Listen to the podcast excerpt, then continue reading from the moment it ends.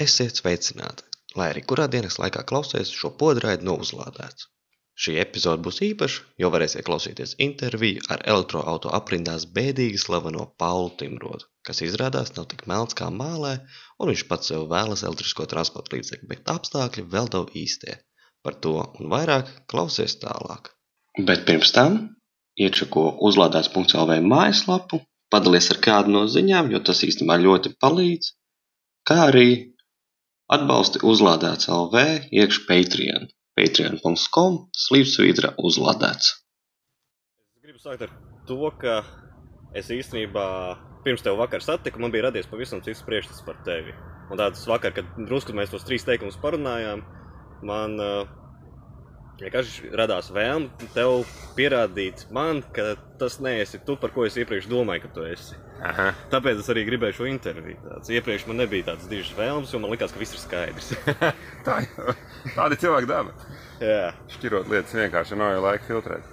tā ir. Tad, uh, es īstenībā tad vēl padomāju tālāk, ka tā jaunākā paudze, kas ir nu, ap 20, jau, drusku jaunāka par mani, tie nemaz nezina, kas ir zebra, kas ir ātruma cilts. Nu, šitos te visus. Mm -hmm. Tad varbūt tu varētu nedaudz pastāstīt par sevi. Uh, varbūt tas uzstādījums, ka nezinu, nav tas precīzākais, jo es tikko biju aizgājis pie tā Jāņa Krīvēna no Singapūras satīna uz to viņa pīlīti, ja? Jā, un neko, un, un tie jaunieši tā kā saprot un skatās un komentē, un dīvainākais, ka izrādās te viņa paudzē tomēr interesē, kā nokārtot vadītāju apliecības eksāmenu. Nu, es Kas pieņemu. tie tādi, kas brauc pa aplību pa pirmo joslu? Mhm. Viņiem tas, es domāju, tas tikai in- interesē vīriešiem 40, bet nē, tie jaunieši tur diskutē, komentē, ņemās, skatās.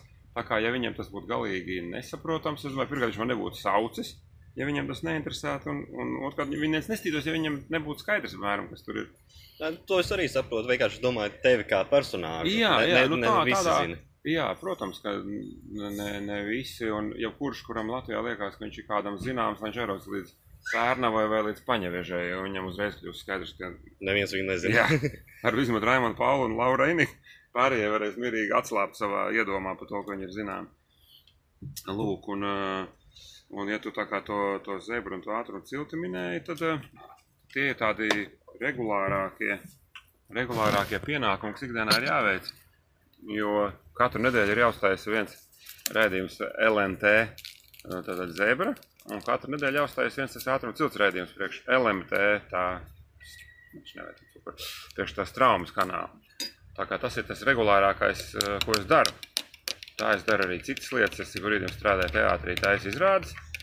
Es nezināju. Tēvs teātrī, un jā, kādas jau 5, 6, tur jau, jau divas vēl joprojām iet. Un, eh, un tad vēl bišķiņ darbojos ar, un vienalga, vai tas ir filmas vai, vai, vai, vai kāda video izgatavošanas vai, vai visādi tekstu rakstīšanas, viss kas jau jādara. No pasākumu jāvada. pasākumu, tā kā vakar bijām tas pats pasākums, tie, tie ik pa brīdim ir. Un, un, un tā, tā, bērniem grāmatas uzrakstījis par, par dzelzceļa vēsturi un par, par dzelzceļu kā, kā transporta veidu. Tagad rakstu nākamo tādu pašu bērniem, 3. un 4. klasē, apmēram ar bildītēm, bet jau ir padaudz teksta par, par automobīļu vēsturi nu, un plānāja nākamā par lidmašīnām un kuģiem. Tā kā tās, tās darbošanās, tās nu, sfēras ir jā, diezgan dažādas. Tā izkaisīts esi. Nu, jā, tāpēc, ka tev jau tā kā uz viena sāna gulēt apnīk, tev izgulējumi rodās, tad laika ie- ieņem vienu pozu. Un, un tāpēc man liekas, ka kaut ko pamainīt. Nu, tas centrālais ir tas stāstīt stāstu. Vai tas būtu teātris, vai tas būtu televizors, vai tā ir grāmata. Nav svarīgi, svarīgi ir izstāstīt cilvēkiem stāstu, kā viņu paņemt, kā iedzīt tajā, viņa, tajā intrigā, vēlmē klausīties līdz beigām, kā panākt kaut kādu kulmināciju un to stāstu pabeigt. Un tur tad jau vairs nav svarīgi, tas ir TV, video, teātris izrāde vai grāmata. Tu tik un tā stāsti stāstu, un tik un tā tev vajag ievilināt to savu klausītāju vai lasītāju tajā stāstā. Jā, minēju to pēdējo pilīti, pilīti. Uh, tur bija tas sižets no 90. kura tur gada? 94. 94. gada. Nu, tas ir šaušalīgi tādi, nu, smiltis beigās. Tāds purvs jau reķina, tas ir ceturtā daļa no tā laika, ko šī valsts pastāv, pastāv šis uh, raidījums. Tas ir jocīgi. Nu, ja es skatos tikai no 91. gada, varētu teikt, ka te jau visu laiku Jā, pastāv. visu šo neatkarības laiku viņš pastāv. Un uh, tas, ka viņš nav baigi pazudis, nav bijuši nekādi pārtraukumi. Viņš lai griežās, un cilvēkiem tā tēma joprojām interesē. Kā laikam Nomainījies tikai kurā platformā tu esi. Tā? Tas platformas baigi peld, jo mēs ilgu laiku bijām Latvijas televīzijā, bet kā, kā jau šajā valstī visas varas ir samuļātas, gan policija ir švaka, gan, gan mēdī ir švaki, tad tā valsts televīzija mums funkcionē ļoti sūdīgi. Un viņā ar retiem izņēmumiem pārsvarā ir tāds trešs. Tad tur bija grūti strādāt. Tā Mēs tagad esam aizgājuši uz kanālu, kurš tā pats par sevi rūpējās, un arī par mums rūpējās. Tad mums, tad mums vieglāk. Bet eh, tajā pašā laikā televīzija to savu nozīmi mm, balina lēnā garā, jo pastāv visi šie te interneta veidi, kā skatīties. Tur vienalga vai YouTube vai, vai Facebook. Un, un ja mums to raidījumu no brīva prāta cilvēki Facebookā nostās tur no 50 līdz 250 tūkstoši to sižetu, nu tad laikam mēs kaut cik trāpam tajā, kas viņiem interesē. Nu, tā nevaram sūdzēties. Nē, nu, tur jau ir tas svarīgākais, ka, kas attiecas uz zebru konkrēti, ka bieži runā par CSN tā kā gadījumiem. Nu, par to, kas dzīvē katram var gadīties. Nu, Viņam ir iespēja no tā izvairīties, ja viņš to paklausīsies, viņš var. Man, piemēram, vissvarīgākais, eh, nu, es tā braucu ļoti, man liekas, ka normāli. nu, Tā, es neesmu slalomists. tā liekas. Nē, nu, es tā kā skatos, es Protams, neesmu slalomists, es Jā. ievēroju ātrumu, nu, tā drusku virs, nu, lai iekļautos satiksmē. Bet kas man visvairāk palika atmiņā, no, es neesmu daudz gan redzējis no svaigākajiem raidījumiem, ka tās divas joslas no zelta tilta, kad tu nobrauc nost, tur uh, uz uh, Bauskas pusi brauc. Uz aplīto, jā. Un kad visi stāv tādā labajā, un pēc tavas izžeta es sāku braukt pa kreiso. Jā. Viss! Bet cilvēkiem tā ļoti separēta tā uztvere. Viņi, piemēram, pie, pie gaisa tilta tur tagad jau sāk saprast, ka nevajag stāvēt vairāk pārvadam priekšā. Viņi sāk pa- pakoties divās joslās, un viens otru āvēslēdzējā palaiž.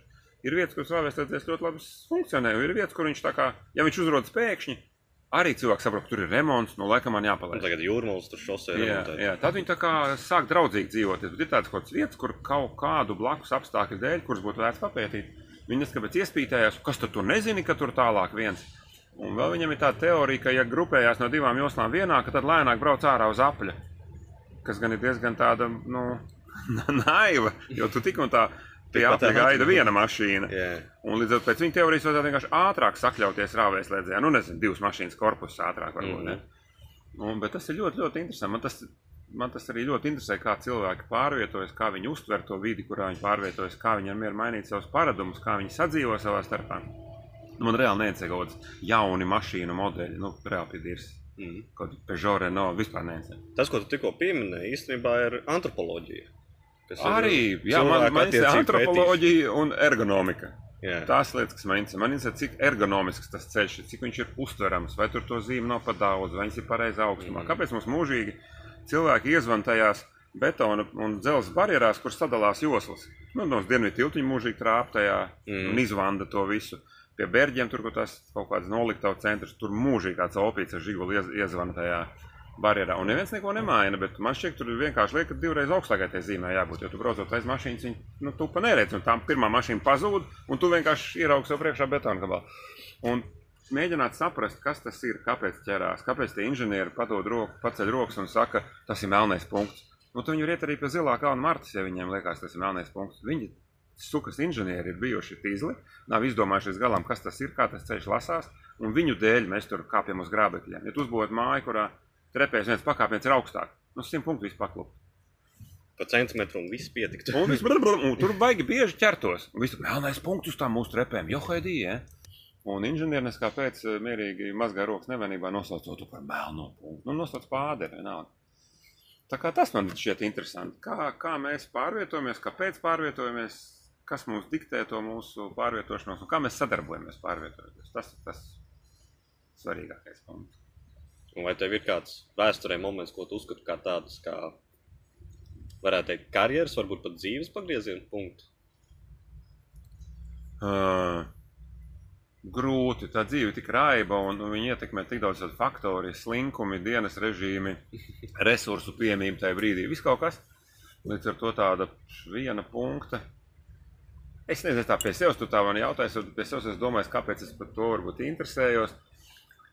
Man uh, var būt, ka tas ir, viņš tāds baigi tāds, zini, viestura rudzīte varētu patikt tāds iemesls, bet Mana vecās mammas vīru nobrauca pie autoservisa kaut kādos 70. gados. Tas lāga onkulis bija. Un kaut kas viņam bija nobraucis, notriecis un nometis no mašīnas par nost kaut kur jau pie, pie Rīgas apveceļa. Nu, kaut nezinu, kilometrus kapotē aizvedis. Wow.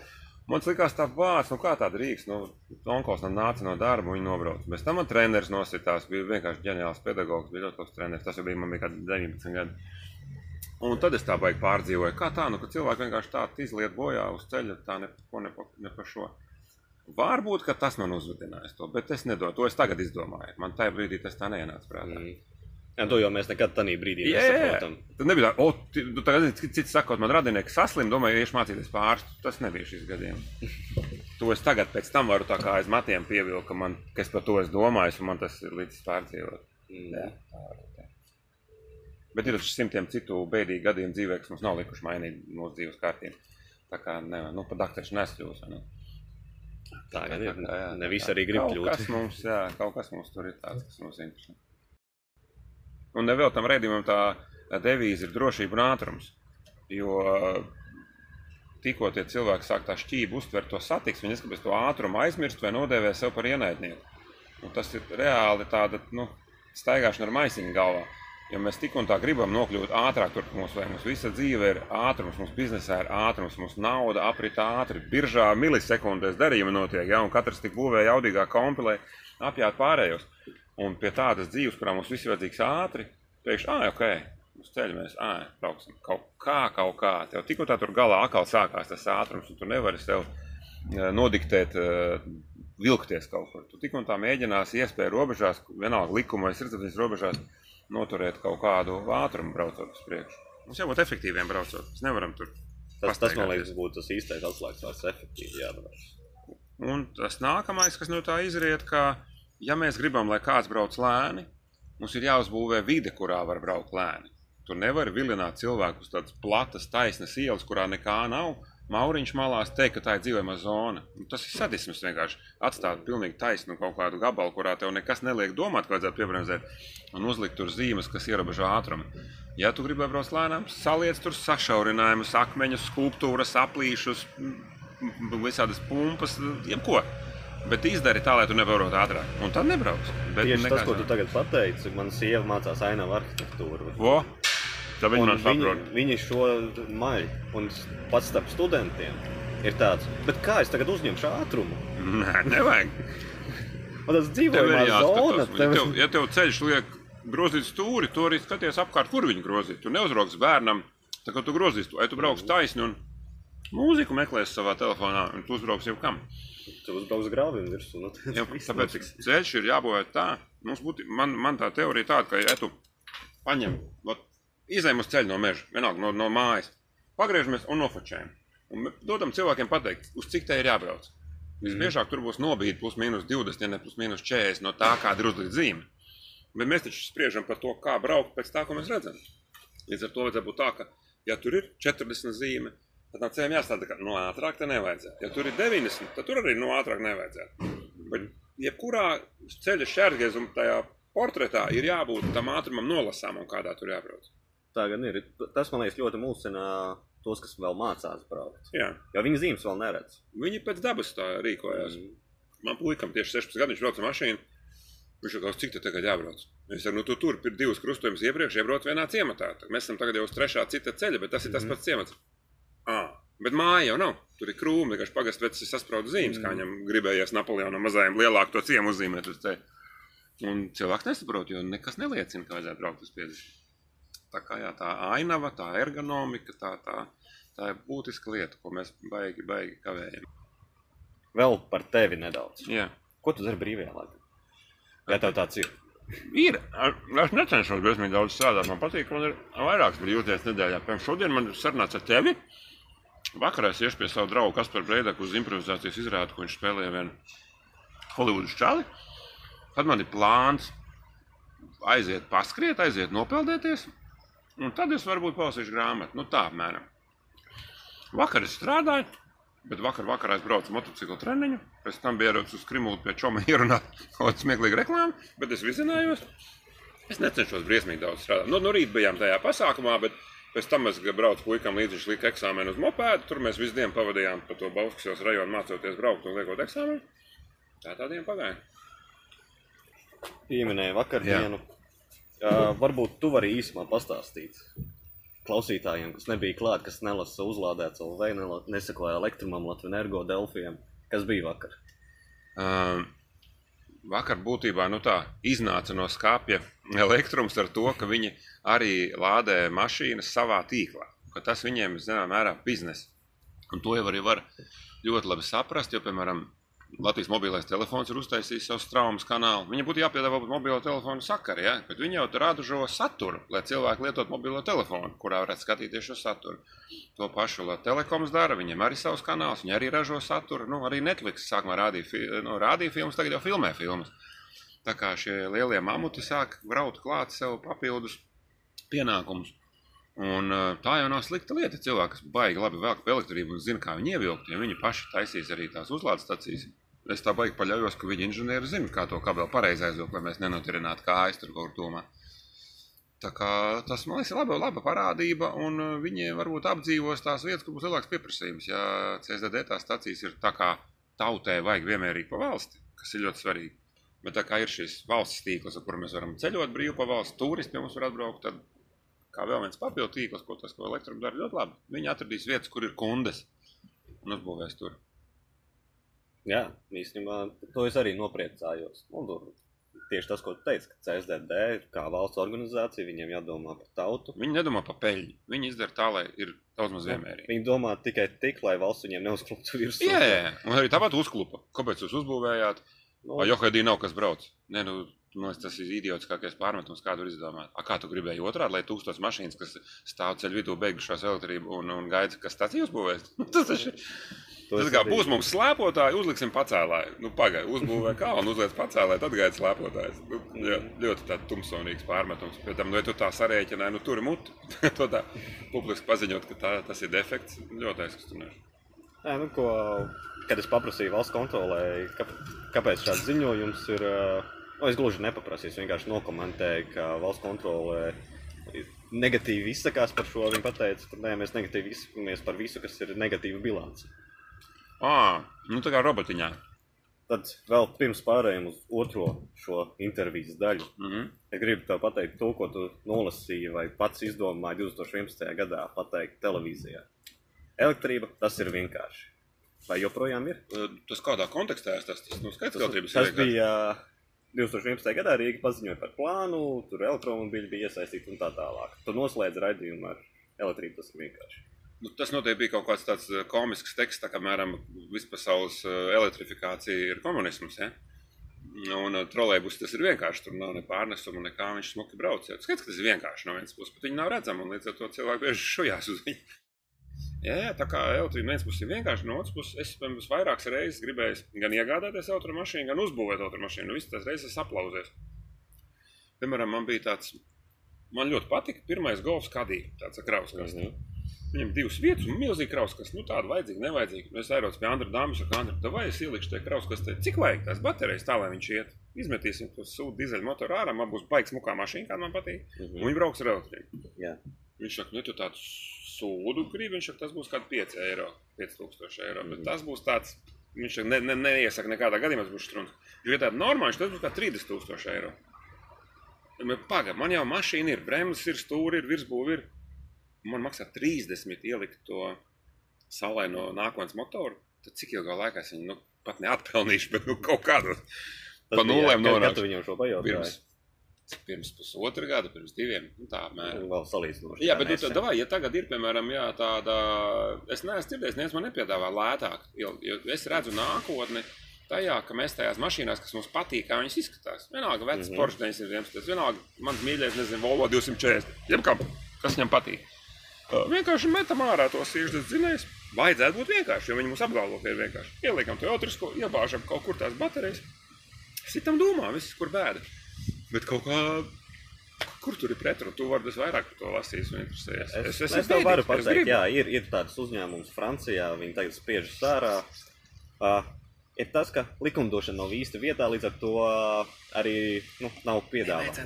Čaļi neskatīsies. Ja tu vari ātri pārmest uz elektrību, izējām apskati to, kas mums ir, izravējam, ieliekam elektrisko un braucam prom. Mēs gadu varam braukt visiem fakus rādīt. Neviens ne, ne, nezina, ko mēs braucam. Kam Nu, interesē? jā, un tad atkal uz to vienu dienu iemet iekšā. Nu, tas visi tā močiem tā dara, pieskrūvēt godīgu izpūtēju uz apskatu, pēc tam braucam trokšņā. Uh, Ja to, ja to būtu izdarīt vienkārši. Nezinu, apskatīt, nevis, kur tā franči zina, cik viņi prasa. Uh, tur labi, Francijas subsīdija noņemta nost. Ja tu kā Latvijas tur aizies, tad būs uh, 8,5 tūkstoši. Nu, Viņi jau. tavu Clio nomainīs pret elektrisko. Un Tas jau ir garš. Tad es arī tam golfam varu ielikt. ne? Golfs arī neko nesver. Vecs vienkārši mašīna, detaļas lēts. Viss viegli remontējums. Metam iekšā. No. Un, un tajā elektroautorāta tēmā, nu, pats pirms desmit gadiem, ko mēs gaidījām? Mums vajag taupīt, mums vajag zaļi. Nu, ka nebūs baigta dārgi visdrīzāk, vai ne? Cerams. Jā, tad mums vajag kaut ko vienkāršu, bez liekām funkcijām, efektīvu, īsiem attālumiem. Nu, tad mēs kaut ko tādu iezīmējam, kā nākotnē. Nu, Ko mums atveda? Kaut kādu e-tronu par 100 štukām, Teslu par 100 štukām, kaut kādu golfa klases mašīnu par 50, 60 štukām, kaut kādu vismazāko punduru BMW par 50, 60. Ar visiem navarotiem, ar mūzikām, Banku un Olufseniem, kaut kādiem smukiem saloniem. Paga, es to negribēju pirkt, es gribēju taupīt. Mm. Metiet ārā visus tos navarotus.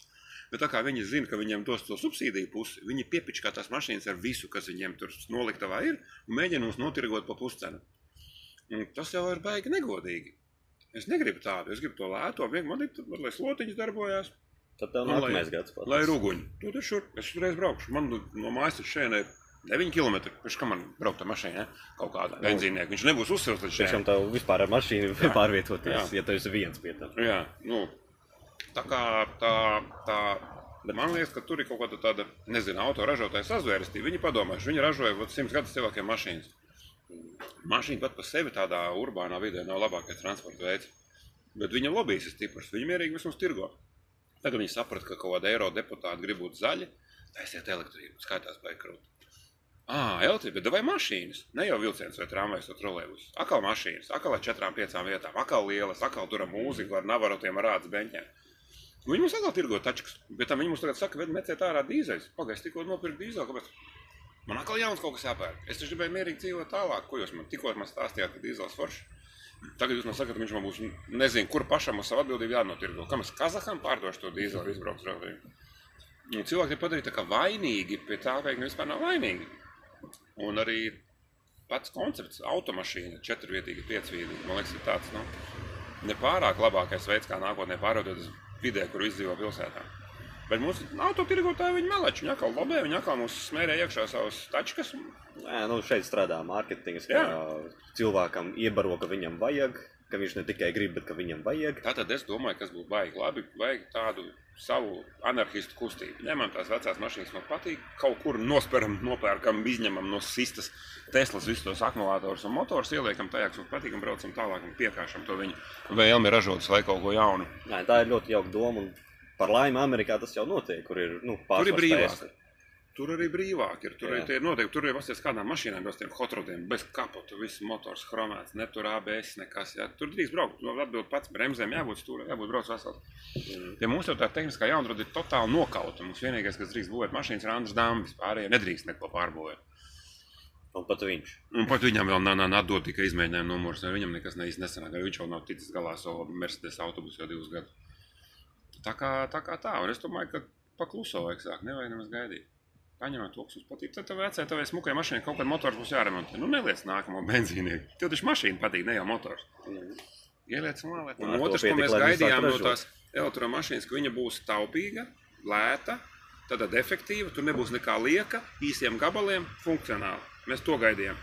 Kas notika, kad viņas parādījās? Pasties, manējā iet ātrāk nekā Lambo. Mua, kaut kur nesen. Evo, ka čaļi, es tā kā knaģus gribēju pirkt, jūs man bezmašīnu tirgojat. Pagaid, nu, kaut kas nav tas. Un, un viņa taču vienreiz var pārdrināties, bet desmit reizes viņa taču nokūpēs 100%. Tad benzīna mašīna varēs joprojām piedalīties dragreizē. Vairs tā nav. Ja, nu, tagad Poršam jaunā Nē, arī Tesla ir izlaiduši to. var, var dabūt, bet, tas ir baigā dzēsēšana, tie baigi enerģijas zudumi, lai tās mašīnas izspiest to maksimumu. Ne? Un viņi mums kāpēc tik lielīta kā raķete, a mēs tā kā patērētāji, kas rūpēs par planētas nākotni, gaidījām kaut ko taupīgu, vienkāršu un jauku. A mums tagad pozitīvs. Ē, nu, tur mēs piekritīsim, ka nu, Tesla ir tas, kurš, tas uzņēmums, kurš paņem virsrakstus. Šī tāda pontošana tam supermašīnām, visu tā ietirgot mums visu to dārgāko, visus tos navarots, ko mēs neprasījām, visu tā rādīšana, kā viņas pātrinās tā vietā, cik tā viņi var aizbraukt. Viss tas, kā viņiem ziemā neiet, tas viss vis, vis tā ķēpa, un kas vēl man tāda liela aizdoma, mana konspirācijas teorija. Tā kā, lai uzbūvētu mašīnu, ir vajadzīga šī ilgā pieredze, bremzēšanas, ritošā, virsbūve, drošība, kraštesti. Tas ir jākrāj. Tāpat tās arī ir vajadzīga pieredze tajā bateriju uzturēšanā, lādēšanā, izlādēšanā, izgatavošanā. Kam ir vislielākā pieredze baterijā? Toyota. Toyota ražo hibrīdus jau gadus 20. Kad pirmo prīvus Džordžs Klūnijs brauca, ja? kad ne pagājušā Nu, bet kas ražo Toyota? Nav svarīgi, bet viņi dabūna atpakaļ servisā pirmie visus datus. Kas nokārās, kas aizdegās, kas neuzlādējās, kad padevās, kā gāja tam eh, motoram hibrīda, kā gāja tam akumulātoram, kā mēs lādējam, kad uzlādējam, kad mums beidzot sāk gluči. Lexus stojot, viņiem ir vot šitā. Viņi priekšā visiem ar saviem datiem. Es tev to. pie, nepiekritīšu šajā gadījumā. Nu, kā, ko tu vari vari teikt pretēji? Ka, nu, labi, viņiem, nu, pirmais, tas, uh, viņi dabūja tos datus, bet viņi neko nav mainījuši. Viņi joprojām strādā ar tiem 20 gadus vecajiem. režīmiem. Kāpēc? Kāpēc Toyota neražo automašīnu? Tāpēc, Man tas ir liels brīnums. Viņiem ir, viņi īstenībā ražo, bet to sauc par ūdeņraža mašīnu. Visas ūdeņraža mašīnas ir elektriskās. Jā, bet nu, ūdeņrads ir pamatā. Es tad drīzāk ticu, ka tas ūdeņrads aizies. Jo, ja cilvēki, kuriem ir visilgāk hibrīdi, nepako, vot nepako, sit viņus, viņi neražo automašīnu. Nu, Tad tad viņi viņiem ir ko, es regulācijas domāju, ka viņi tur ir kaut ko atkoduši, ka tas nerulē. Viņiem ir uh, nu, tas Lexus džipiņš, neatceros, kurš tur ciparu burtu kombinācija. Kur viņiem ir it kā četri, nu, visi motori, tur viņš var uz priekšu uz apakaļ visiem četriem dot. Bet kā viņi panāk apakaļ gaitu, ir tīri uz elektrisko. Ja, Nu, arī veciem Lexus pirmajam hibrīda džipam bija pakaļā tikai elektrība. Viņam nebija Nu, no, kādas vienam. Un Viņš kas diezgan notiek? sūdīgi arī stūrējās pie tā visa. un kas tev notiek, ja tu padod apakaļ un tev nav elektrības? Nu, bet viņš jau noteikti kaut kā no motora var pieģenerēt, cik cik vajag elektrību, lai pabrauktu atpakaļ. Ja tu neesi pietiekami ilgi braucis uz priekšu, tu nevari padot apakaļ. Tad tā ir kļūda inženieriem. Jā. Un Bet- tas ir vēl jaunajos Lexus. Jā, bet es saku, cilvēki, kuri ražo viņu- autoražotājs numur viens gan pasaulē pēc skaita, kuram ir vislielākā pieredze elektrībā, lādēšanā, izlādēšanā un visā. Tad ir parādījuši vēl vienu lielu Kas kļūdu. viņiem traucē ražot savus mašīnu? Kāpēc viņi Viņu, viņu neiet baterijām, virzienā? kas ir viena liela kļūda. Tām baterijām ir atmiņa tā saucamā. Tas nozīmē, ka ja tu viņu izlādēsi pietiekami līdz nulē, viņa neatmodīsies vairs. Kamēr nu, tur litijs ir daudz maigāks, nu, ko izmanto citās eh, elektriskajās mašīnās. Bet tu tieši mēģināji tādu sazvērstības teoriju, ka lielākais autoražotājs ir lielāko pieredzi. Dara kaut kādas dumības, kaut kādi puikas sanākuši kopā, kur tagad taisīs savu sapņu mašīnu ar elektrību. Pēkšņi ir gudrāki. Kaut kā es Nu, neticu. Tad, ka, kāpēc viņi ir vienīgie? Nu, Volkswagen jau arī ir liela grupa. Viņi nemaz neķēra. Nu, viņi, viņi nesaka, Volkswagen ir daudz mazāk hibrīdu. Viņiem šī automašīnas parādījās stipri nesenāk, ne, nekā Toyota. Toyota neiet vienkārši tā virzienā. Mēs neredzam pat nekāds mēģinājums, Pat ne izšāviens. tā, viņiem jau pastāv elektriskais sen, nu tas hibrīds. Jā, Ļoti sen. nu, bet viņš tā darīja. Nu, Pērkņi kāds Lexusam visi džipi gan ir hibrīdi, pusi to Toyota hibrīdi. Nu. Bet, bet neiet uz priekšu. Kāpēc? Ne? Es domāju, ka viņi zina kaut ko, kas tur nerulē. Vai tur viņi jau paspēlējušies, pamēģinājuši? Zini, kas ir uh, Tokijas Olimpiskajām spēlēm šis autosponsors? Nu, Toyota, protams. Ko, kuras mašīnas viņi piedāvās? Elektriskās. nu, 5% uz Olimpiāda no visām mikroautobusu taisīja elektriskajā. Vajag to jau var izdarīt. Nu, vienu vai divas Jā, uztaisīja. nu vēl spēdīsim, lai nav jālast dūmi. Jā, bet nu, Toyota visus vadās. Nu, es uh, vakar, uh, pēc tam, kad pasākums bija beidzies, es uzjautāju elektroautorātu WhatsApp grupā un arī Discord grupā, ka, kādi varētu būt jautājumi, ko tev uzdot. Un, nu, jautājumu, šo es uzdevu tāpēc, ka tev ir neslava starp mums elektroautorātu lietotājiem. Jā, tā varētu būt. Nu, nu, nu. Kur tieši? Es, tur bija vairāk jautājumu, bet nu, es eh, atlasīju tos, manuprāt, vērtīgākos. Sāksim ar vispārīgāku. Kāds ir tavs viedoklis par gaisa kvalitāti Rīgā? Es taču neesmu mērījis. Nu, diezgan labs Nu, novērtējums. viedoklis. Ilgi brauc par Rīgā arī ar mocu, tā mutu paliek netīra. Tā kā skaidrs, ka putekļi ir un ar kabrioleti ar par Rīgu nebrauc nostājas blakām kādam autobusam un tev piegāzēs pilns salonu ar, kvēpiem. Un to gaisa vada tāpat kā jebko citu šmugulē, gan ceļu remontus, gan vispār. Jo to gaisa regula, nu, tas ir datus par gaisa tīrību, vai kāds šmugulē.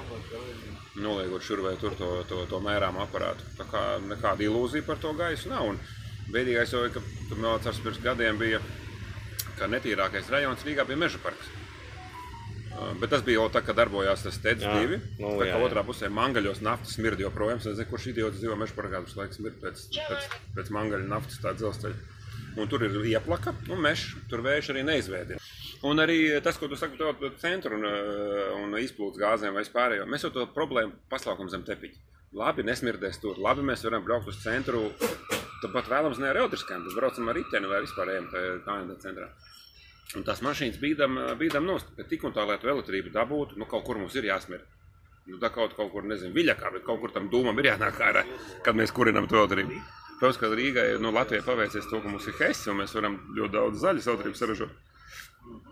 Bet, bet tik un tā paliek tas auto ražotāja lobbyis, iesmērēt mums to taču. Un, uh, jā, labi, pirmais jautājums ir atbildēts. Es pat neesmu speciālists par gaisa tīrību. Es vienkārši tas kā bija parasts tīri lietotāji redzēt, viedoklis nu, tagad redzēt, ka trūkst koku, redzēt, ka to zaļumu tur ir daudz vairāk eh, savākt tajā pilsētā un būs foršāk. Bet, nu, Jā, es pieņemu, ka tas ikdienas transporta līdzeklis ir tas motocikls. Ja? Uh, nu, tajā, nu, ne līdz Ziemassvētkiem, jā, bet uh, vasarā es prasu praktiski mašīnā, nu, ja kaut kas liels jāaizved, bet tas ir varbūt divreiz pavasarī. Pārējā laikā es braucu ar motociklu, jo tas ļoti, ļoti uzlabo to ātrumu, kādā var nokļūt jebkurā vietā. Mhm. Es nobraucu kaut kādu, tagad es nobraucu ar šitos, es nobraucu kaut kāds 7000 šovasar. Es dzirdēju par elektriskiem motocikliem.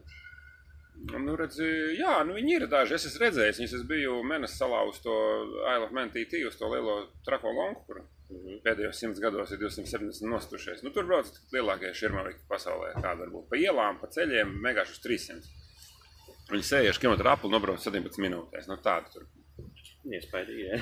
vikingi dzīvo, kuriem liekas, ka Valhallā nonākt ir pirmais uzdevums. Un, uh, un tur viņi arī mēģina braukt ar elektriskajiem motocikliem. Tie motocikli pirmkārt izskatījās sūdīgi, visi tie vadiņi karājās, tās kaut kādas schēmas kaut kur pielīpinātas. Kaut, nu, tā, nu, tā kā tev šī tā čupa taisās, tas mocis vienreiz gaitā. Tas mocis no, no tiem astoņiem, kas startēja, laikam divi norungoja, viņam tā jau iedodas invalīdu režīms, trīs apļi sešu vietā. Viņi arī ar tiem netika galā, laikam no astoņiem divi vai trīs finišēja. Viņi ties ļoti žēlīgi, Un uh, nu, nekā tur tāda nebija. Jo garāk distance, jo sūdīgāk izstāsta tas elektriskais vērts. Mhm. Tā kā līdz tam, ka tur varētu nonākt, elektrisks skūters, štēle. Pat tu domā, mopeds vai Mopeds sprediķis? tāds, kur tu sēdi. Nevis šie stāvriteņi debīlē, bet tāds, kur tu sēdi normāli. Un kur to tu pirmkārt brauc tādu gabaliņu, kurš visdrīzāk tajā baterijā ir pa spēkam. Ātrums ir tāds, ka viņai pa spēkam tur nevajag uz 200 atvilkt. Ja? Un, un tie, man liekas, ir tāda liela lieta, ko mums neviens ne, nerunā, neviens mums viņus neiesaka, bet tas būtu normāls braucamais ar to nu, parastu tā kā vespas mopēds, tāda tipa. Nu, es tieši Tev ir pagājušajā nedēļā publicēju video. Jā, tev ir priekšā bišķiņa vai ancukam, tu vari braukt uz uzvalkā, tev peļķis nešļakstās virsū. Tev arī nav tādu stila prasība apģērbties tik kārtīgi kā motocikli. Nu, mopēdi kā drīkst tā liderīgāk. Nu, uzliec Jā. ķiveru, tu jau iztīsies pieklājīgi. Tu jau esi vairāk nekā citi. Jā, izdarījis. tev ir ādas cimdi, piemēram, tu jau esi reāli nopakojies. Un ar tiem taču varētu pusgadu braukt, mēs pusgadu varētu viņiem aizstāt mašīnas, un viņi nebūtu dārgi. Jo šajos laikos, tā, kad tu, piemēram, saki, es nepirkšu mašīnu, bet ja kāds viņu nopirks, bet viņus ir uz viņu mocu, leasing stack, a, tu kā varonis brauc ar riteni. Nu, tev ir smadzenes cepās. Man Tieši tā. Tu kā esi jauks čalis, kurš brauc ar riteni, bet, bļet, tā mašīna stāv, un es tā kā losis trešdaļā algas visu laiku pogāju. Da vai labāk braukšu, atcitīšu vismaz tos izdevumus. Mm. Bet pierunāt cilvēku vispār nepirkt mašīnu, tas ir baigi drastiskais lēmums. Nu, tur sievi nositīs, pēc kā mēs iztamies, kaimiņš miesies, mums nav mašīnas, a kaimiņiem ir foršāka, un kā tam mēs tos bērnus tagad ar to krāvis riču. Ja? Tā ir baigā tāda paradigma maiņa, pierunāt to cilvēku nepirkt tā mašīnu. Un braukt ar tām īrētājām, tur arī ir liels problēmas ar drošību. Tev visu laiku jāmaina tie beņķi, jāgroza. Ja tu paņem kaut kādu to kārtu guru mašīnu. Pirms tevis brauc Rasins Onkols vai ne, Krievs. Viņš ir beņķis atlaists šitā, uzlicis kaut krievu stāciju, spoguļus saregulēs. Tu tagad iekāp, tev minūtes vairāk ir jāregulē beņķis, jāsaregulē spoguļi, jāpārliek, lai neskan krievu rādio. Ja? Tev jau divi eiro pagājuši, tu sen aizgājis būtu turien, kur tev vajag. Ja? Līdz ar to tā kāršērings arī nav baigā panacēja pret lietām. Šur tur šādi tādi, bet tā kā, pie tam, tā kā mums to mašīnu vajag, mums vajag reizē. No rīta 9 uz darbu visiem vajag reizē to mašīnu, pēc tam visdien nafignienam nevajag. Un 5 vakarā tu dešur. Nu, tas nevar būt labi. Vai mums tur pa daudz viņas mētāsies, vai viņas vienmēr būs pa maz. Divi varianti. Tā ir sabiedriskajam transportam vieta, kur ieiet. Jā, un vai sabiedrisko elektrību, vai tam tramvajam atdodam visu elektrību, ko mēs gribam izķēzīt uz tām elektriskajām mašīnām, atdodam tramvajam, nu, vilcienam atdodam, lai viņi brauc. Tur ir 80 cilvēku vienā vagonā aizbraukt. 80 ir katrs savu Volkswagen ap. Tas ir nesik tonu, tikpat cik vilcienu Un cik var aizņemt. Jā, tā kā es aicinātu domāt par elektrisku sabiedrisko transportu daudz vairāk nekā par tām elektriskajām privātajām mašīnām. Viņas tik un tā ir mašīnas, viņas tik un tā Volkswagen uzvārīsies uz to, ka tu viņu nopirksi. Vai tu pirksi Volkswagen dīzeli vai Volkswagen AP elektrisko, tik un tā čaļi Volksburgā berzēs rokas. Un kas tev pat daļa ar viņiem? Vai viņi iet ratā savā mašīnā? Ja tev būtu starp visām elektriskajām mašīnām izvēle, kur tu izvēlētos? Es domāju, ka visas nemaz nezinu. Nu, starp tām, kurām Man liekas, ka viena sen, sen apakaļ iezīmējās viena mašīna, kas bija tāda cerība pilna. Viņa arī kārtējas Minhozens bija uztaisījis, bet tā zārī bija tāda. Mhm. Viņa parādījās 8, 9 gads kaut kur ap to laiku. Viņa kaut kāds itāļu alumīnija rūpnieks izdomājis taisīšu mašīnu. Viņam alumīnijas bija kā dubļi.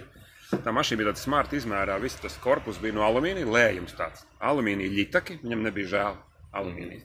Alumīnija durvju aira šitie, viņam nebija elektriskie logi. Tas kloķis bija no alumīnija. Stūra bija no alumīnija. Viņam vienkārši alumīnijas bija par rokai. Nav, nav smags materiāls, dārgs, bet no labs.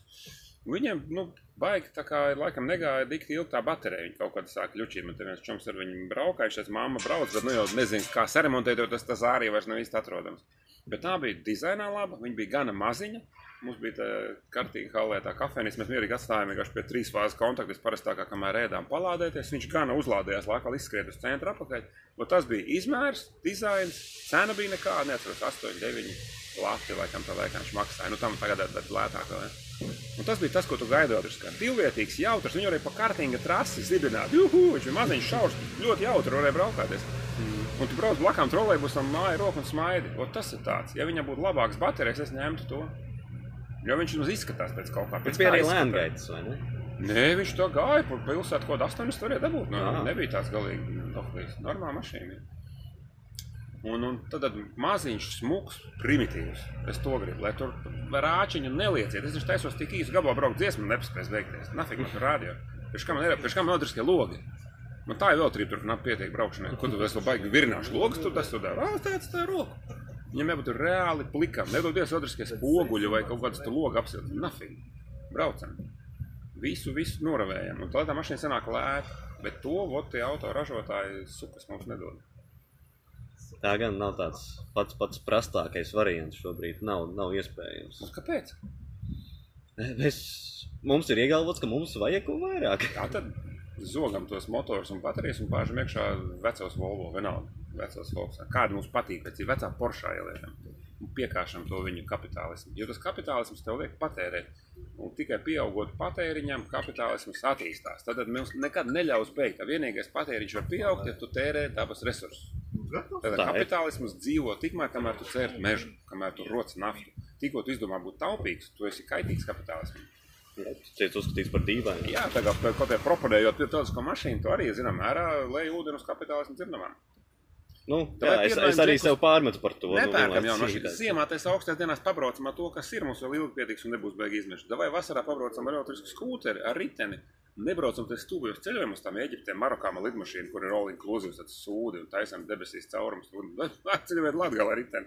Labāk būs. Tev žinot, Īstenībā tā aizbraucu Samazinām- vienkārši uz kuldīgu. Man Jā, ļoti patīk. Samazinām šo lidošanas vajadzību, samazinām to braukšanu, kaut vai vasarā noliekam to mašīnu malā. Nepērkam jaunu, sataisām veco. Jebkuru veco sataisot, tu esi izglābs pasauli. Tā vietā, lai viņi izmestu un nopirktu nākamo elektrisko. Turpinot par šo tematu, Latvijas situācija pēc pieciem, desmit gadiem saistībā ar elektriskajām mašīnām. Kā to vizionē? Es ne- neredzu, ka Latvija kaut kā varētu atšķirties no citurienes. Tur mums jānokļūst par rezervātu jāizver robežu, lai mēs atšķirtos no situācijas Rumānijā vai Francijā. Mums ir ļoti līdzīgi. Mēs varam mazliet paregulēt ar kaut kādu veicināšanu. Tā kā tur kāds mēģina no Francijas, tad mēģina tikt no dīzeļiem vaļā. Kur tie franču dīzeļi nonāks? Baltkrievijā vai Kazahijā? Kāds tas losis brauks ar viņiem? Kaut kur viņus nogrūdīs. Tad kādam citam uzmetīs šo problēmu. Paši jau jutīsies jauki un saulaini, bet globus jau no tā tīrāks nekļūst. Tā kā uh, Latvijā es ļoti redzētu, ka attīstās vilcienā pasažieru pārvadājumi. Tā vietā, lai tos ogles vestu, vai ne? Tomēr sabīdīties uz tām sliedēm. Kopā kaut kā atrast to risinājumu. Jo mums ir tik unikāls dzelzceļš Rīgā, viņš aizstāja jebkādu metro. Rīga vienīgā tāda superkrutā vieta, kurai vilcieni izbraukt cauri. Parīzē tu iebrauc, apstājās. Līdz centram neaiziet. No visām pusēm vilciens ienāk, arī apstājās pirms centra. Londonā tieši tas pats. Izkāpa Viktorijas stācijā, ne meklē nav no taks. Viss beidzās. Gribu uz Kings Cross, pīļī pusdiena kājām caur pilsētai. Nav. Mums ir izkāpts tur, kur brīvības piemineklis McDonald's. Viss pirmkārt, ir. tu vari iekāpt pie zvejnieku ciemā un aizbraukt uz tukumu. Iekāpt tukumā un aizbraukt uz ogri.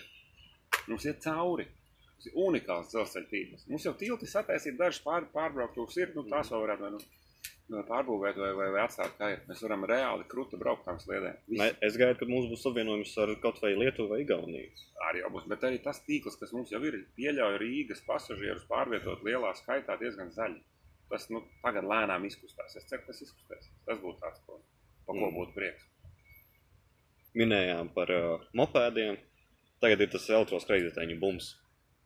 Vai, vai valdībai vai pašvaldībai vajadzētu iejaukties pašu plūsmai šo? Es domāju, ka viņi nosprāst vienkārši tie braucēji. Viņi ir mopēdi, ne Dabiskā mopēdi, atlase? Viņi tie skrējieni neviens neizturēs. Viņus ražo ķīnieši, kuriem vajag zemu cenu. Jo tikai par zemu cenu cilvēkam ir, ai, nopirkšu, pamēģināšu, nu, pa daļu Mm. no algas. Ja viņš būs dārgāks un izturīgāks, viņš viņu nepirks. Bet tagad viņš ir tik lēts, kā tāds ķīniešu sūds, viņš arī nekad neiztur līdz īres laika beigām. Neviena tā kompānija nav nopelnījusi, kas ir uh, brauks tev stāvritiņam. Viņiem visiem viņi mūžīgi salūst, pirms paspēja sevi atpelnīt. Jo tai cenai ir jābūt nu, zem takša cenas vēlams. Jo jābūt trakam braukt Nu, to arī taksa pasties vairāk. tām cenām, tā sabiedriskais transports nāk lētāks. Trāmais ir lētāks, un tu vēl stāvi saresnē un vēl osti to, to putekļai no gaisa. Nu, nekādas jēgas. Un viņi salūst, pirms viņi atpelnās. Ja viņi pacels cenu tā, lai viņi eh, atpelnās tajā pirmslūšanas periodā, neviens nebrauks ar viņiem. Tur visu laiku tā šķērs starp to izturību, to resursu un to cenu. Viņi šobrīd maksā pasakaini maz, un neviens vēl nav nopelnījis. Bet es neaicinātu viņus ražot izturīgākus tos riteņus. Tad vai braucam parasti velospēdas? Ir dažās velo pilsētās, kuras bija Amsterdamā šovs un, un, un, un vēl tur pa, pa to Holandi. Viņi met viņus tur tais kanālos iekšā, viņi viņus grūž malā, viņi necieš viņus. Tā ir riteņu kultūra, tajā, tajā valstī visi brauc ar, velospēdiem. Viņi negrib tos redzēt. Viņi jau šis triec nost. Nu, viņš ir ot, pa- kaut kādās telpās, kaut kādā pasākuma laikā, kaut cilvēkiem, kam vajag organizēt kaut ko, paskriet, tas linkums iet. Bet transports viņš ir sasodīts sūdīgs. Tur nevajag nekāds likuma regulējums. Viņi izbeigsies, kā viņi, kā viņi nāks, kā viņi aizies. Domāju, viņi- viņus pārņems skrituļus līdz liktenis. Katrā mājā būs. Viņš lēnām tecēs, sūksies ārā, paturēja ķīmiju, un gultnīši būs jau sajājuši. Es redzēju meiteni, kas brauca pie krematorijas pa tām kāpām pāri sarkandaugotos kreditiem. Pārpa kāpā. Jā, nu kā viņi redz, ka viņai noirāta, kas viņai pa daļu. Viņa mā, tajā, nu, smiltīs, vienkārši spiež, un tas jau ne. Viņi visi tie riteņi smiltīs, gulti, Jā, visi, jā, nu, tu visi beidzies. Un viņi tēmē, ot, viņai vajag uz sarķiem. Viņai pajāt, viņš noirēja, un netaisās taupīt to vērtību. Ir viens aspekts, par ko bieži nerunā, laikam baidās vai kā, vai negrib informēt, ka Latvijai jau nākamgad ir jāsasniedz 10% atjaunojuma energoresursi transporta sektorā. Sots par to ir 14 miljoni eiro gadā. Līdz kamēr, sots, līdz kamēr tiek Nu, sasniegts cik mēs tagad esam sasnieguši? divi. Jā, bet latvieši ir bagāti, jo arī tā kā tā mašīna, automašīna runāja, ka iepriekšējā reizē bija tā subsīdijas, ko viņi dalīja, tas klimata pārmaiņu Jā, finanšu 14. instruments. gadā. Viņi kaut kādus divus miljonus vienkārši neizdalīja, neiedod cilvēku pie mašīnas. Pusi neiztērē, Tad, ja mēs varam divus miljonus šiki uzsaukt eiro atpakaļ, kas mums ko nesamaksā vēl 14? Mēs esam baigi. Bet tas ir mēs esam katru bagāti. gadu, līdz kamēr mēs sasniedzam savu. Uh, jā, bet atgriežoties pie tiem 14 miljoniem eiro gadā, vai ir risinājums tam?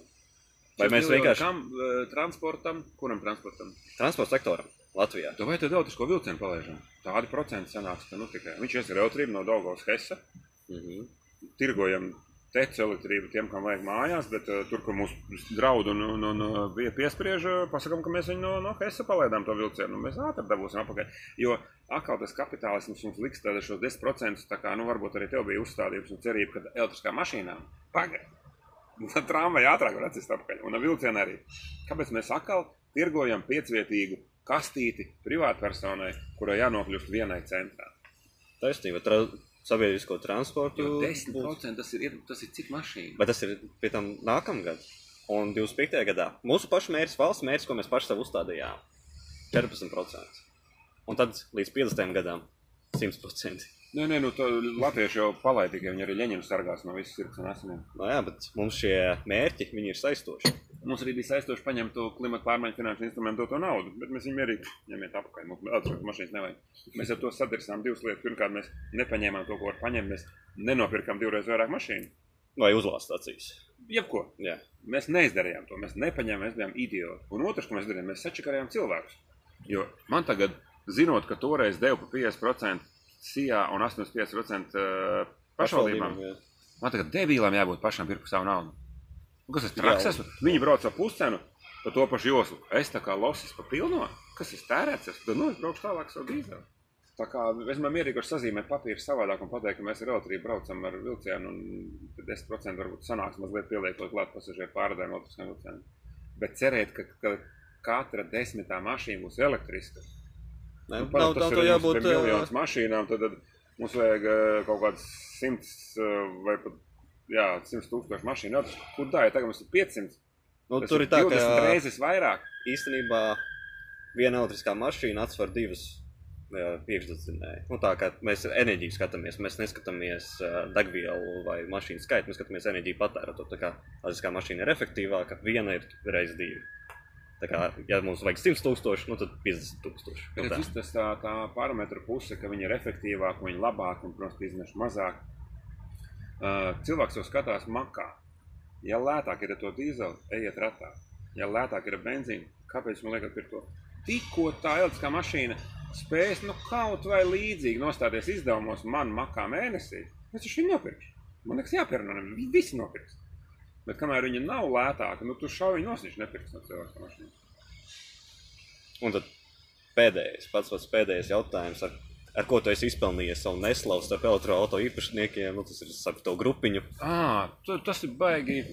Es domāju, ļoti vienkārši. Jo cilvēki, kas uh, ir pārņemti ar kaut kādu jaunu lietu, viņi ļoti reliģiski uztver to. Un viņu katru, kurš kaut mazliet apšauba to viņu Jēzus eksistenci, tās elektrības, kaut kādu to tīrību, svētumu un skaistumu, viņi uzreiz noliek pretējā nometnē. Un, uh, un tu uzreiz tas tikko esi gatavs apšaubīt, vai Jēzus tiešām piedzima 0. gada 0. dienas 0. minūtē. Nu, Tā tu esi viss, tu esi jau, jau, jau antikrists viņiem. Jo es uztveru lietas tā, nu, racionālāk. Un es redzēju visādas brīnumus, šāds un tāds. Tas kā mašīna, manā dzīves nogriezniekā vēl viens tāds izliciens, kurš varbūt pacelsies, a varbūt nogrims.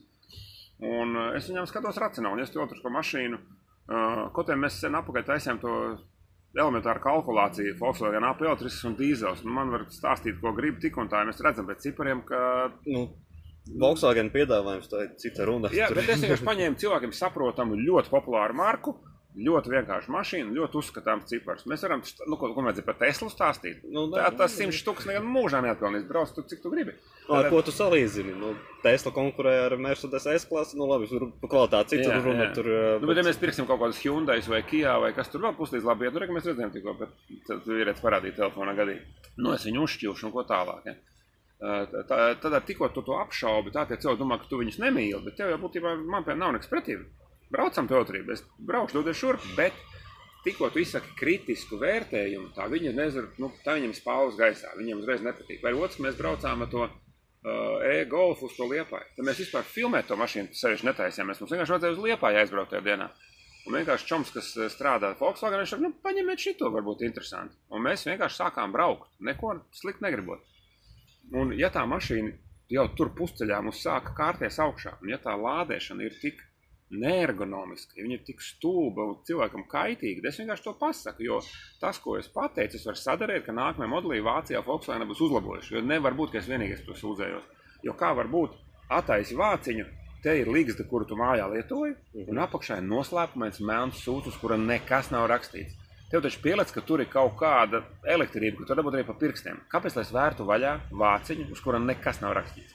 Nav tāda iemesla. Bet no otras puses, tu paņēmi kaut ko jaunu un nezināmu, un tu Tu nepajautāji. saproti, ka es viņu jau biju lādējis. Man tas sanāca.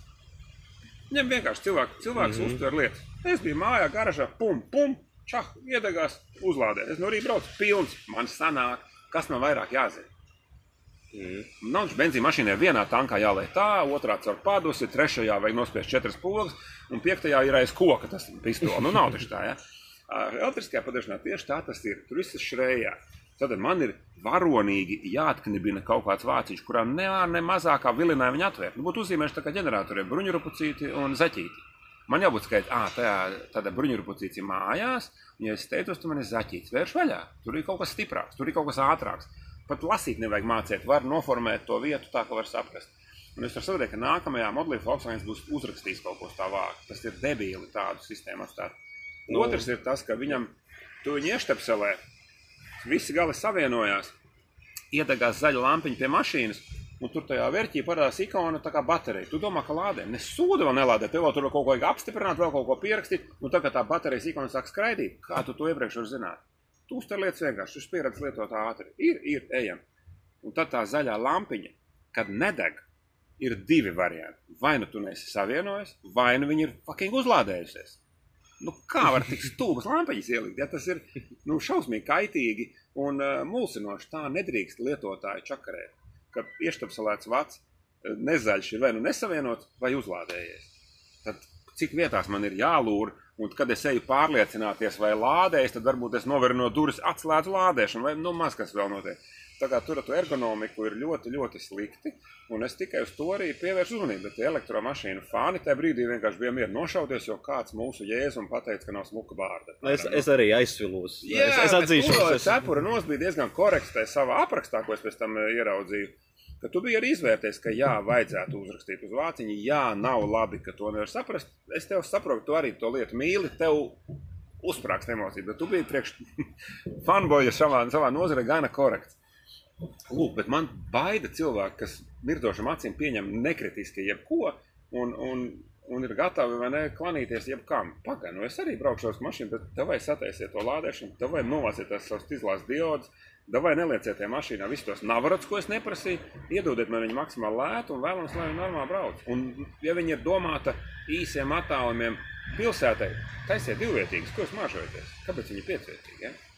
Mm. Un, ja es gribēšu vēl piecetā, es paņemšu to benzīna mašīnu. Ja? Tā, kā, tā kā tur vēl ir kur augt, un es tomēr atļaušos būt tas, kurš norādīs, kā var labāk, nevis nekritiski klanīšos un fanošu par lietu, kas tikko ir iesākusies un nav zināms, vēl labi beigsies. Un pēc šīs fanfāras tev otrā reize būtu vieglāka vai sarežģītāka? Vai viena tāda pati?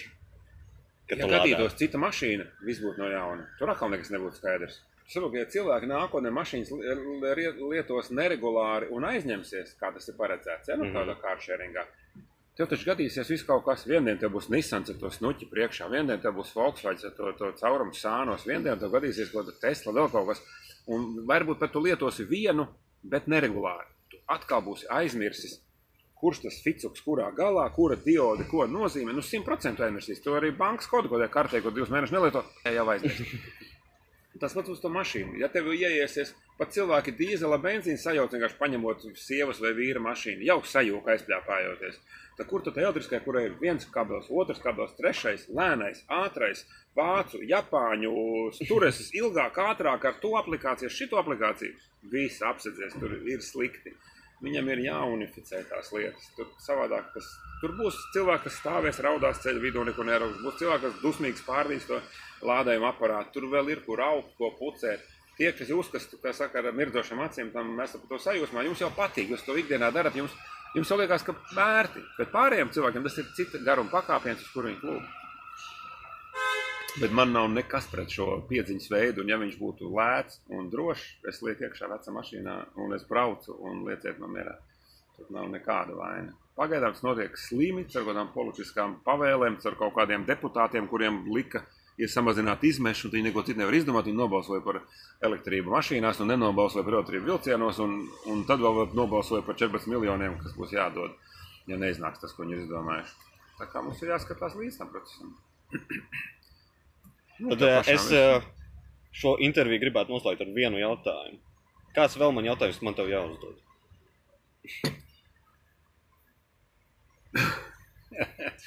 es nu, gribētu būt jauks un neko sliktu neteikt, bet tas tāds sliņķis padarīšana uh, likt, likt man jautāt. Es drīzāk teiktu, ka, jā, drīzāk varētu teikt tā, ir šī te velo sekta, kuri domā, ka velosipēds ir viss atrisinājums. Tu esi tā kā sekta, kas domā, ka elektriskais auto privātais ir risinājums. Nu, katra šī sekta acīm mirdzot kačā savu un nedomā vispār par kopējo lietu. Tiem pilsētas cilvēkiem, džekiem, kuri ir prātīgas idejas tajā savā lapā sarakstījuši. Tā kā viņiem ļauj izteikties diskusijās, viņi priekš tā kā tad noburtu jenot kaut kādu sūdu bīdi vienkārši. Visiem jābrauc ar riteņiem, mašīnas vajag izmest. Nu, skaidrs, ka noskaņot cilvēks pret sevi šādā veidā runājot. Centrā nevajag braukt. Viņi vispār nezina, kas ir centrs. Nav izdomājuši, viņi nav definējuši, cik liels viņi iztēlēja viņa pilsētas centrs. Vai tikai vecrīga, vai, vai klusais centrs, vai līdz dzelzceļa lokam. Un, un viņi nedraudzēs ar pāriem transporta veidiem. Un, un elektriskajā kaut kā savā sektiņā un baidās no benzīna, un baidās no velosipēdiem, un, un, un nezinu, kas vēl būs. Bet nav neviena tāda, kurš tā kā vispār par modernu transportu runātu, kas kopā to lietu saskatītu. Kā miksēt šos transportus? Te tavā elektriskajā mašīnā ļoti iespējams, ka līdzi vajag saliekam velospēdu. Tavam velospēdam ļoti iespējams vajag elektrisko papildu motoru, jo ļoti iespējams tu dzīvo kalnā, ērgļos, piemēram. Un tad mums ir jāmiksē, mums jāmeklē katrai vietai, kurā mēs biežāk esam, efektīvākais risinājums. Nevis jāiet sektā velosipēdi vai sektā elektriskās mašīnas. Abiem tiem ir ierobežots range, ierobežots laiks un lietojums. Tā kā mums ir jāmāk to visu maisīt kopā. Bet tajā maisīšanā neietilpst jauna mašīna pirkšana. Jo tā tev iedzena visdziļāk stūrī, jo tev ir tas līzings. Un tad tu pat tajā dienā, ka vari ar riteni braukt, aizbrauc ar mašīnu, lai atsistu līzingā iztērēto naudu. Un jāsāk draudzēties, jo tev ir jātaisa intervija ar velo šitiem fanbojiem, viņiem jātaisa intervija ar tevi. Abos tais portālos jābūt par to rakstītam, tad tā dzīves uz augšu.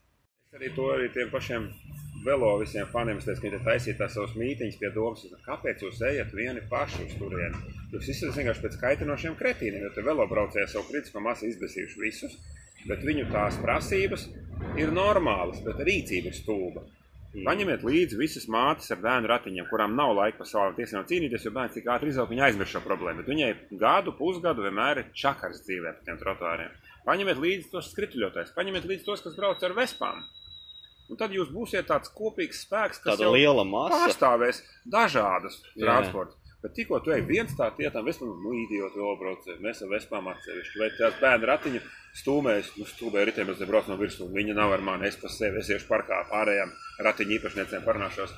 Nav kas apvieno šos dažādos mobilitātes veidus, kāds, kas spētu viņus vienot. Tagad ir tādas mazas anarchistu partīņas, kuras mēģina apsp- uzspridzināt domu, bet uh, nepietiek lapuškām naudas. Nu, tā, tā, tā bēdīgi. Jāmāk runāties, jāmāk runāties. Un jāmāk draudzēties. Jā, jo nevienam jau nav nekādu tādu šausmīgu fanātisku uzskatu pret kaut ko. Nu? Jo tikko tu kā parādi savu mīlestību pret automašīnu, tu nosņem pret sevi visu veco dīzeļu īpašnieku. Jo viņam liekas, ka tu viņu gribi iznīcināt, tas viņa draugs. Ja tu viņam vienotos par kaut ko kopīgu, un tad sāktu stāstīt par savas lietas priekšrocību, viņi var tev paklausīties. Ja, bet viņi teikt, ka viņa vecajā mīļā pasākā varēs ielikt baterijas, un nebūs jāmaina tas pasāks, jo viņam viņš patīk. Viņš ah, tad jau man interesē. Tā kā saka, met ārā, izmet savu, jo tu zaudējumos, tu nopirki nepareizo mašīnu. Ui, viņš tev nav draugs. Tā gan ir. Tā gan Jo ir. tādu cilvēku, kas man tā mīl V8 motora skaņu ar karburātoru amerikāņu mašīnā, tad viņiem mazāk nekā automašīna īpašnieki. Nu, ir pie dirstpoņa tur mīl, nav svarīgi. Pārējie cilvēki, 99% ir mieru ielikt jebkādu motoru, atstāja viņam viņa smuko mašīnu. Tieši tā, jo cilvēks mīl mašīnu kā tādu, nevis Dizainu. to, To- to viņam- kas ir zem kapota. Jā, tad kāpēc viņam nu, nav nevienam svarīgi. Viņš pilnīgi mieru būs ielikt tur jebko. Tā, tā, tā. Tie, kas tur baigi piedurās, ka nu, nav tādu, kas beidz. Ir ir kāds, kas mīl dīzeli. Cilvēks brauc ar dīzeli, neviens viņu nemīl. Viņš ir grāmatā tarkšķi un mazliet kūp. Bet viņš saši vismaz ēta diezgan labs griezes moments un tā var aizbraukt. A mīlēt jau tur īsti nav. Tom. Jo tam mīlēt ir automašīna, protams, kā mīlēt veļas mašīnu. Nu, balta, smuka, nesmirda. bet, nu, kas tur ko mīl? Funkcija. Dažreiz skan. Jā, viņu vajag darbināt un braukt. Jā. Nevis pie, pie, piepūlēties ar viņas. Jo arī elektriskās mašīnas no, no liela liela nesmukas. Dažas var būt ok. Bet vajadzētu no tām elektriskajām mīlēt to, kas ir vissmukākā. Bet, nu, ja nu, tās emocijas. Protams, tas viss ir emocionāls. Es jau pats teicu, ka es savu mašīnu nopirku emociju vadīts. Tas jau man praktiski tobrīd nebija vajadzības. Man prakti, praktiskais parādījās pēc pusotra gada. Nu, tev kaut bija kaut kāda ziņa, kā tev bija prieks, biji paspēlēties. Ja taču, nu, tā kā bija atbraukuši, nu, tu, tu bija tā, ka bija tie onkoliši no Vācijas tām Teslām, tas viens bija to cēlē. Nebija man laika. Ne. Nu, un, un tas bija interesanti. Viņš paņēma veco kaut kādu citroenu, prāt, pa, pašam lodām ar klausam. Viņš pats atkodas, kas tur ko lādē, pats samainījis baterijas, piekāsot visus tos vācu noteikumus, iestiprinājis bagāžniekā baterijas. Apskatēja viņam prasījuši, kas tas par sūdišu, tā man ir krāvis, viņi nostiprināja, tie, nu labi, krāva, krāva un likuši viņam mierā. Un viņš spēlējās, viņš maina baterijas, viņš skatās tur tos, tos konvertoru, kaut kāds parametrs, ko, ko uzlabot, ko savādāk. Un viņš to veco savu citronu, kas izstāsta pēc sūda, Bet viņš ir tik daudz noteikti sev atklājis, priecīgs bijis, iztērējis savus brīvdienas, kaut ko tur uzlabojot. Viņam viņam ir hobijs. interesanti. Viņam ir interesanti, viņam pilnīgi pa kājas, vai tas atmaksājas, vai tas ir zaļi. Viņam ir hobijs. Un vajag jau ļauties tam savām emocijām. Tev vienkārši uz kaut ko vēl. Vai dari to? Nemeklē racionālu attaisnojumu. Dzīve jau nav racionāla. Nu, kamēr tu citam ne, nu, Un pāri. to. nebrauc ar sūcītiem. Bet tā vajag spēlēties, vajag rotaļāties ar visu, kas pienāk. Jo taču mums taču tik daudz tās eldriskās lietas apkārt, ir jebkas taču nav. Jā, nedod Dievs, zobārstam būtu benzīna vai dīzeļu urbīts. Jā, nu telpā ir sevi. Mums jau filmēšanā mums visas kameras, viss ir uz baterijā, viss tie droni uz baterijā, viss, nu, viss mikrofoni uz baterijā, viss ir uz baterijā. Tur, kur tev to, ko to laiku, to lieto. Nu, labi, jautājumi beigušies. Jā, tā kā normāli paplēpājumi. Bet tu pat ilgi apsties ir jau bez 20, 12. Nē. Wow. Man mašīna būs pilna. Salādējusies, ja? Tur stāv otrajā stāvā, ne, ne, nevar redzēt. Nē, tikai lampas jumtā redz mašīnas. Nē, Un tā vējas tikpat pilns bija, cik bija. man nekas nevainās. Jā.